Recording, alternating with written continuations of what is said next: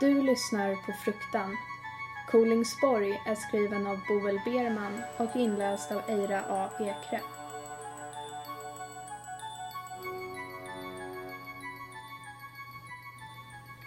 Jag går genom Gula gången.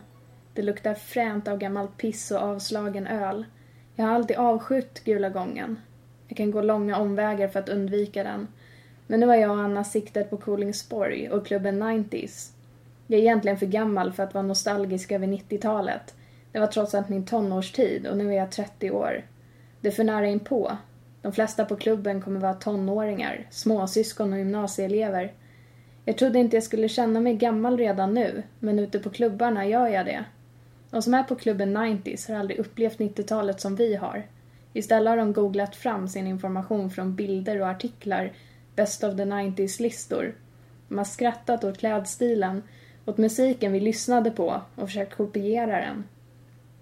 När de går på klubben är de utklädda, i kläder vi valde helt frivilligt. De väljer och vrakar ur 90-talet, tar det de vill ha och förkastar resten. Jag förstår dem, men det stör mig att mina tonår är ett skämt redan. Jag går sällan ut och klubbar nu för tiden, känner mig redan som en pensionär när jag kommer till festande. Orkar inte köa, orkar inte trängas och dricka blaskiga öl ur plastglas längre. Vill hellre sitta på en krog och kunna prata i normal samtalston.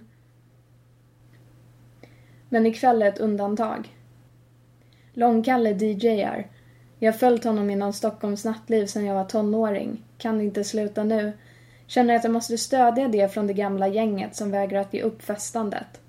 Jag och Anna har stylat oss till 90-tal. Vi minns inte själva vad vi hade på oss då. Kanske skäms vi så mycket att vi förträngt det. Så vi gör likadant som kidsen. Tar det vi vill ha. Inga klackskor. Vi tog sneakers båda två. Måste kunna dansa, annars är det meningslöst att gå på klubb. Så tack vare det går vi stadigt genom Gula gången. Vi har hällt i oss rejält med drinkar i Annas lägenhet vid Slussen. Krypavstånd. Men alkoholen har inte helt kickat in. Just nu är den mer som ett behagligt surrande i kroppen. Vi är inte de enda i Gula gången. Kön ringlar sig lång runt det smutsgula kaklet. När jag närmar mig ingången känner jag en våg av illamående och sväljer hårt. Har jag något tuggummi? Anna rotar i handväskan. Får upp något illrött kaneltuggummi som gömts i väskans mörka vrår. Det är gammalt. Gudarna ska veta hur länge hon har kunkat runt på det. Det smular sönder i munnen. Men smaken av kryddig kanel sticker i tungan och får mig att pigna till. Fy fan vad jag avskyr Gula gången och Kolingsborg. Skönt att de ska riva hela skiten. Men jag kommer sakna The Baser. Vi går förbi kön, rakt fram till vakten. Känner igen honom från otaliga klubbar. Han har varit med länge. Jag ser de sura blickarna från alla som köar. Känner ett sting av dåligt samvete. Men när de blir så gamla som jag kommer de att förstå. VIP-kö är motsvarigheten till handikappsplatsen på tunnelbanan. Vi som inte orkar köa utan ger upp och slutar gå ut på klubb behöver den förmånen. Sara Creeborn står på listan, plus en. Vakten frågar inte om lägg. Jag ser något som ser ut som en igenkännande blick och får en liten nick av honom.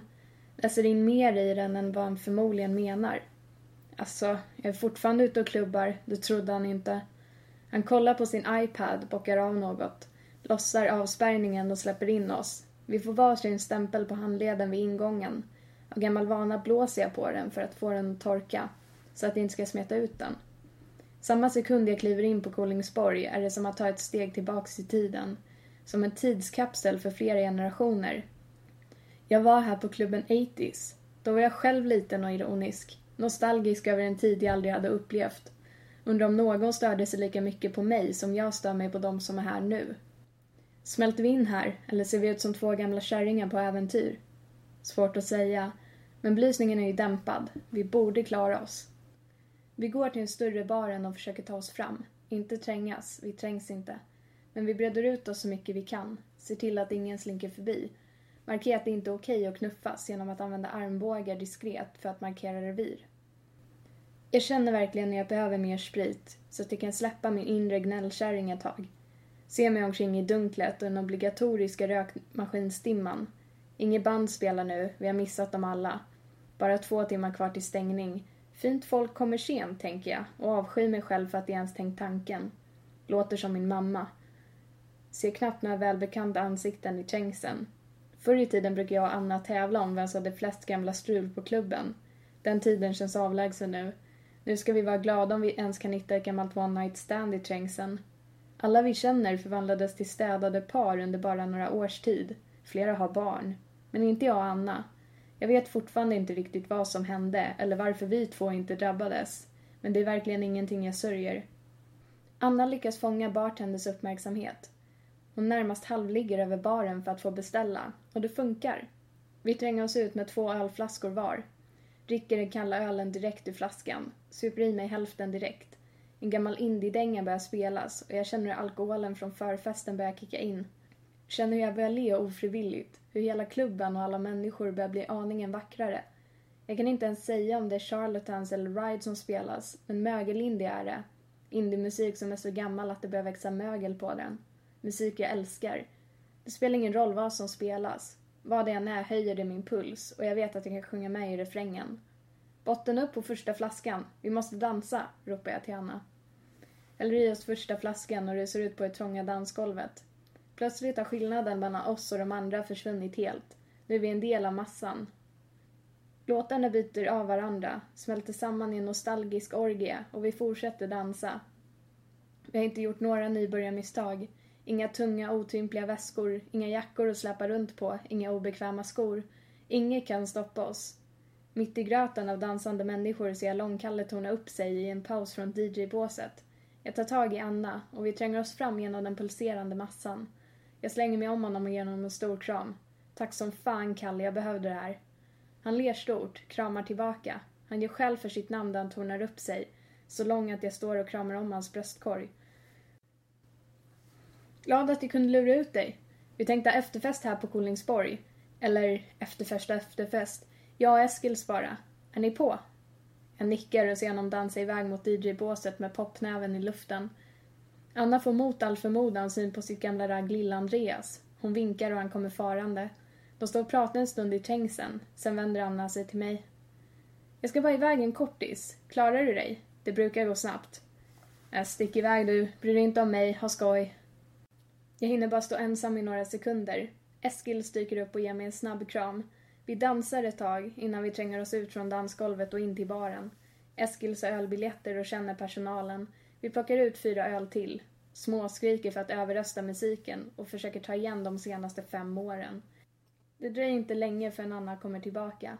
Hon är rufsig och rosig och har Andreas i släptåg precis när musiken tystnar och takbelysningen tänds. Folk börjar snabbt fly undan den osmickrade lysrörsbelysningen och rymmer ut i sommarnatten. Betonggolvet är täckt av krossade plastglas och utspilld öl.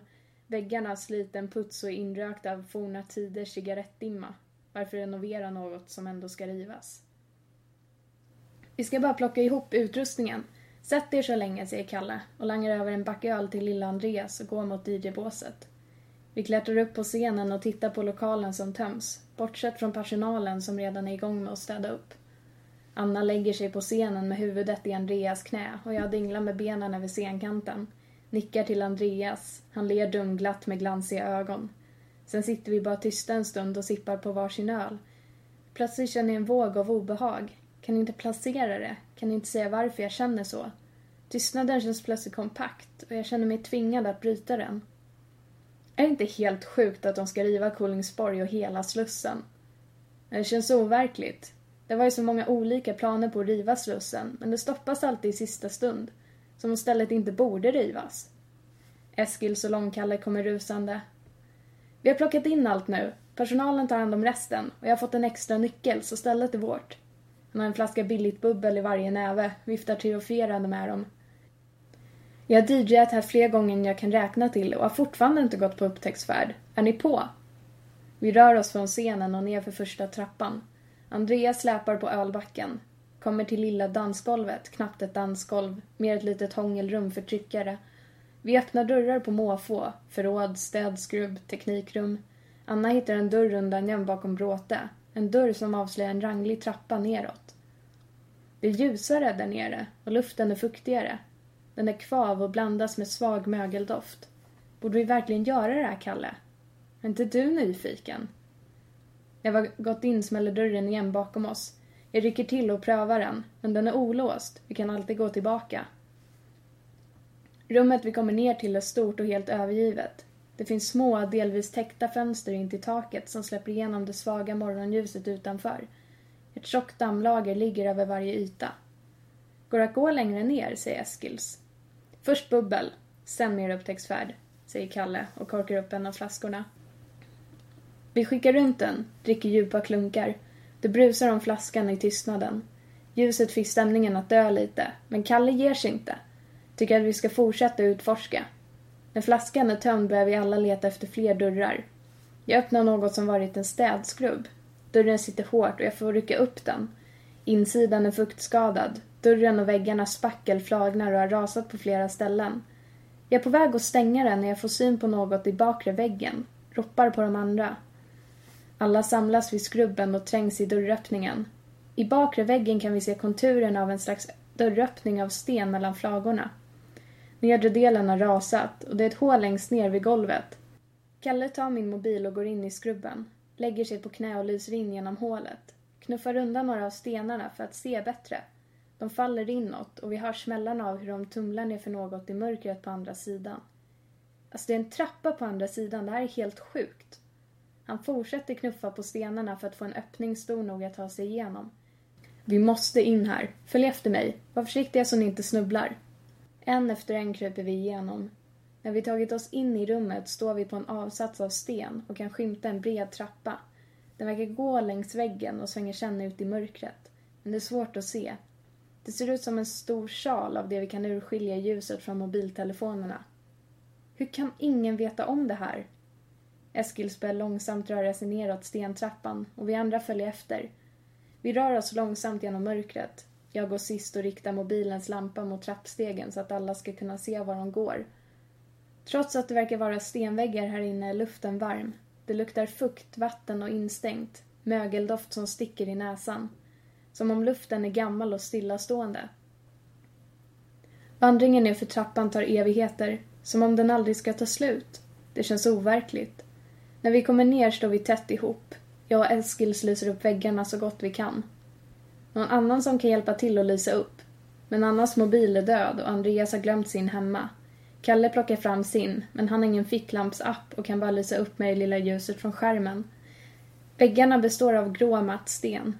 Tillsammans går vi genom salen, alldeles tysta.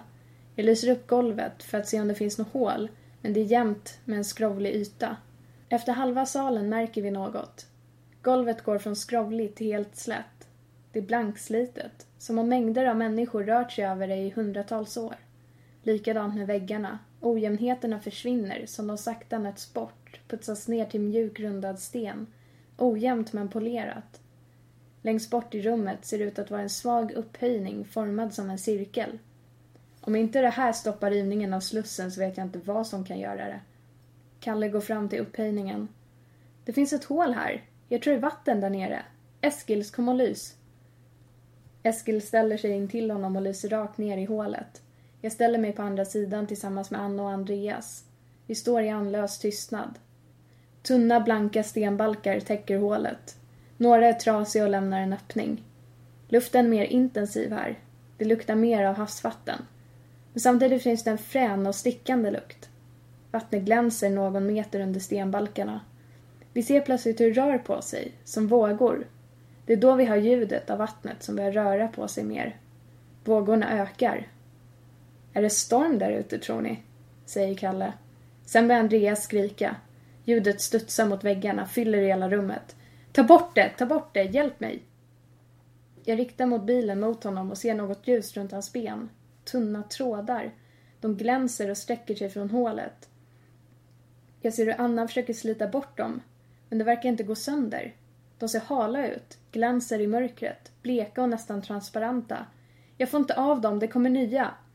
Kalle och Eskils börjar springa mot Andreas, men i samma ögonblick är det som om mörkret förändras och det väller upp ur hålet. En ljus, nästan fluorescerande, slingrig massa av trådar. Jag hinner inte röra mig, kan inte röra mig. Jag ser hur Andreas faller och börjar dras mot hålet. Ser Anna i panik klamra sig fast vid honom och hasar med. Jag hör en smäll och ser hur Eskils dragits ner mot öppningen i stenbalkarna. Jag kan bara skymta hans ansikte och paniken i blicken. Ser hur hans smala kropp är täckt av tunna vita trådar. Kalle skriker. Han har vänt och ryggat tillbaka mot väggen. Trådarna försöker dra ner Eskils genom hålet, men han är för stor. Bara hans ena axel har pressats ner.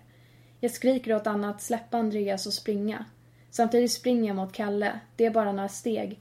Jag slår honom i ansiktet, rycker i hans arm. Vi måste härifrån. Spring för i helvete! Vi börjar springa, men stengolvet är halt. Blankslitet och fuktigt. Jag känner mina slitna sneakersulor förlora fästet. Faller och känner en skärande smärta när mitt knä slår i stengolvet. Jag skriker rakt ut och tappar mobilen. Den faller och slås i bitar. Eskils mobil ligger på golvet och lyser upp hörnet. Förutom mobilen kommer enda ljuset från den vita, svagt fluorescerande massan. Kalle, hjälp mig, säger jag dämpat. Känner hur paniken hörs i rösten. Jag ser honom inte. Han svarar mig inte. Jag hör hans sneakers rör sig mot stengolvet. Ett svagt gnidande av gummisulorna mot den fuktiga stenen. Det låter som att stegen fortsätter bort mot trappan. Den jäveln. Jag ropar tyst på Anna. Jag kan inte se henne, men jag hör ett kvidande från hörnet. Inga ord, bara ett gryende. Det är becksvart. Mina ögon kan bara urskilja svaga konturer. Kvidandet från hörnet tystnar abrupt. Svaga fotsteg som fortsätter bort i salen. Mina egna hjärtslag och stilla vågskvalp är de enda ljuden som bryter tystnaden. Jag stryker svetten och fukten ur pannan. Sitter helt stilla och försöker att inte röra mig. Håller för munnen med ena handen och anstränger mig för att andas djupt. Plötsligt hör ett skrik en bit bort. Ett kort skrik. Kalle. Jag hör en kropp dunsa mot stenen. Det låter dovt och fuktigt. Sen hör jag ett sakta hasande av något som dras över golvet tillbaka mot hålet. Jag tar försiktigt av mina sneakers och strumpor, reser mig långsamt och försöker göra det tyst. När jag lägger min tyngd på benet skär det till av smärtan. Jag biter mig i fingret för att inte ge ett ljud ifrån mig. Vänder mig om och ser bortåt salen. Massan ser nästan ut att pulsera svagt. Den har inte kommit närmare. Mörkret närmast mig är kompakt, jag kan inte se något. Försiktigt börjar jag röra mig bort från det vita. Den enda riktning jag har. Stenen är fuktig och sval mot mina fotsulor. Jag är nästintill ljudlös när jag rör mig genom salen, hukandes. Får inte bryta ihop. Måste ta mig ut. Det går så långsamt. Det känns som om jag inte kommer någon vart. Som om jag är fångad på en plats där tid och rum inte finns. Jag kommer snett. Plötsligt känner jag stenväggen åt handflatan. Men trappan är inte där. Jag söker mig längs väggen bort från det vita. Ser uppåt. Kan skymta hålet ovanför trappan där vi tog oss in. Det är långt kvar men jag ser det. Jag kan nå det. Jag drar darrande handflatorna framåt längs väggen. Det är då jag känner som en lätt smekning över handryggen. Av tunna glänsande trådar som trevar sig fram över mina händer. Jag ryggar tillbaka. Tar ett steg ut från väggen. De syns inte, de är för tunna. Lyser för svagt i varje tråd. Men nu kan jag skymta dem. De är många. Söker sig längs väggen, söker efter sitt byte. Jag måste bort från väggen, tar trevande försiktiga steg ut i mörkret utan att släppa väggen med blicken. Jag kan klara det. De verkar inte nå så mycket längre. De trevar i blindo. De vet inte vad jag är. Om jag bara tar mig ut i rummet och lyckas ta mig till trappan, om det går så... Det är då jag känner en lätt ryckning i mitt ben. Ser ner. Tunna, utsträckta trådar har lindat sig runt mina svarta leggings. Utdragna, tunna som spindelväv. Jag sluter handen om dem och försöker slita loss dem, men de är vassa och hårt spända, skär in i handflatan. Varma och pulserande. Jag faller handlöst och slår käken hårt i stengolvet. Känner blodsmak och smulor av mina tänder i munnen. Tandflisor borrar sig in i kinden. Jag kvider av smärtan medan jag sakta dras tillbaks till hålet. Byggstart för nya Slussen tidigast 2014. Det hinder som tar längst tid är de överklaganden som väntas. Planen kommer med stor säkerhet att överklagas ända till regeringen och den processen kan ta ett år eller mer. Länsstyrelsen avslår överklaganden av nya Slussen. Länsstyrelsen i Stockholm fattade på torsdagen beslutet att avslå samtliga överklaganden av nya Slussen.